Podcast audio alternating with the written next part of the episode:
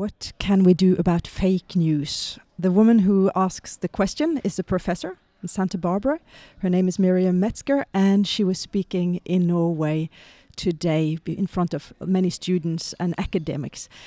And to go straight to the, the question, Miriam, what can we do? Um, this is a very, very difficult problem, and there are no easy solutions, and there's no sort of quick fix or, or even one solution. This is a multifaceted uh, problem that needs to be uh, investigated and um, uh, approached from a, number of perspectives. Uh, I can say from the research uh, that I'm aware of, there are a few things to know. Uh, first of all, we do know that repeating uh, fake news, repeating misinformation, has a powerful effect on people's belief of the information. Uh, even information that you might be skeptical at first, if you hear it enough and it's repeated, uh, people do tend to start to believe it. So, um, one of the recommendations is try not to repeat fake news, don't share it, don't repeat it. And this is even um, true in the case of correcting misinformation or uh, debunking fake news. It is dangerous to repeat the information. Focus on the facts, the, the correct information. Um, uh, without repeating the. So, so even if I want to say that this this information, quote, is wrong, that would be dangerous. Yeah, that's what some of the research is pointing to. However, of course, that's unavoidable in some situations. And so, um, what other research finds is in those situations where you, you know, do need to report the misinformation in order to debunk it, to give a coherent story about why the information is false, how it came to be, what the motive for producing and disseminating this information is, so that people have a larger context in which to evaluate and understand the information. So don't dwell on the misinformation, instead, dwell on a narrative about its creation and its, and its dissemination and why it is false. So, actually, telling the story of why this came about, why this false information came about, that could be part of the answer. Yes, yes, exactly. Mm -hmm. And you also touched on some uh, interesting uh, points in your talk today. And one of them was that um, if we've heard something many times, we tend to believe it even if it's false, we tend to believe it more than real information that is new to us. Why? So this has to do with uh, the way that we cognitively process information, and um, the principle is called fluency. And so, if there's information that is easier for us to process, it's smoother, it's something that um, you know does not have internal contradictions, but sort of flows. We tend to accept it. We tend to nod along and feel like, well, okay, it seems reasonable. Um, if we don't have any red flags or reason to doubt it, we kind of just take it in. This goes back even to something that's known as the truth bias, which is our first instinct is not to be suspicious, is to actually feel that what we information we encounter and what people what the claims that people tell us are true. And you know only if, if something happens um, uh, do we start to question it. So again, it comes back to this idea of fluency, and the easier it is for things uh, for us to process information, the more likely we are to believe it. So we Norwegians tend to think that we are particularly trusting, and uh, that comes across in, in a lot of uh, surveys. But the trust principle, actually having a bias towards believing information, that is universal, is it? Yeah, that's a, uh, um, found to be a sort of a, a universal human tendency.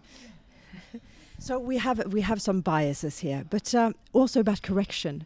If I want to correct something I've said on the news, maybe that was not right. Um, how does that work? Do people believe the correction? Yeah, corrections are very tricky because oftentimes, as I was talking about earlier, corrections involve repeating the misinformation, the false information, and that is something we want to try not to do. Um, but there is some work that suggests how to go about doing corrections. Well, first of all, it's not that corrections don't work, they do work, they definitely help. They won't change everyone's mind, um, but they will change some people's mind. And then if you really, you know, want to have an effective correction, especially for, for issues that are highly politicized, um, a recommendation is to try to find a source, a person who can make the correction uh, where that they might be a surprising source of that information. So if it's a uh, conservative politician who's arguing that some false information, conservatively, you know, favorably, uh, some false information that's favorable to the conservative side, if they say it's false, people will be more likely to believe it because we have the sense that um, we anyone who speaks uh, says something that goes against their own interest or, against their group's interests is, you know is really only speaking because it, it's true and this is something important that people should know. So that's one of the recommendations as well. And you've done research on credibility for 20 years and you've done a lot of experiments. Anything that has um, surprised you any experiment that really has um, made an impact on the way you think yourself Yeah, good question. I'm I am very interested in. Uh, there was for many many years the assumption was that people were very concerned about credibility and that they would put a lot of effort into evaluating and verifying information. And our studies quickly found that that is not the case, that instead people tend to use more what we call heuristic evaluation strategies, sort of quick and easy. They're not willing to put a lot of time and effort into it unless it's a consequential decision, if it's a, you know, uh, financial decision that is, you know, something very expensive or maybe a, a, a medical decision, you would put effort in. But in general, people um, are not so willing to do that. The other finding that um, kind of surprised me is that we all have a tendency to feel that we are better than average at, you know, uh, determining what is fake, what is real, what is misinformation, what is you know bad information, what is good information. We, when you ask people, you know, compared to the average or typical internet user, uh, are, you know, are you more susceptible to misinformation, false, you know, fake news, less susceptible, or about the same? And we find um, evidence that people say, "I'm better," you know, I think I'm better. I, yeah, I know it's a problem out there, but it's it's really a problem for other people.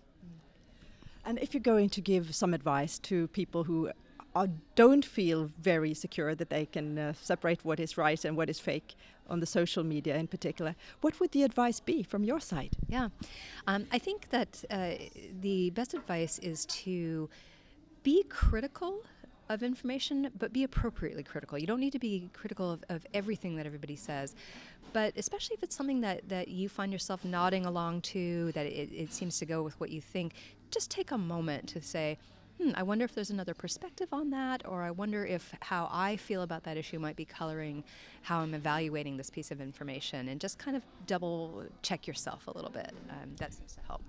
And that should be starting already in elementary school. Yes, I, I, I do think that this is something that. Um, T- training children to think critically, to be critical information consumers, to value um, different perspectives, competing perspectives, uh, or at least be open to them, is something that we need to start teaching um, as young as possible. And then finally, have you ever yourself discovered that you actually believed something that was a fake news story? Oh gosh, um, I don't think so. And maybe I'm just being optimistically biased, like I was talking about before, where I feel like uh, you know I'm better than average. No. Um, not to my knowledge, but that doesn't mean it has not happened. Uh, and I've certainly, there are certainly instances where I, uh, I get information from people that I believe, you know, for a minute, and then go, hmm, I need to look into that. So, um, yeah, I, I, can't. I can't think of a good example. I'm sorry. Thank you so much, Professor Miriam Metzger. Thank you.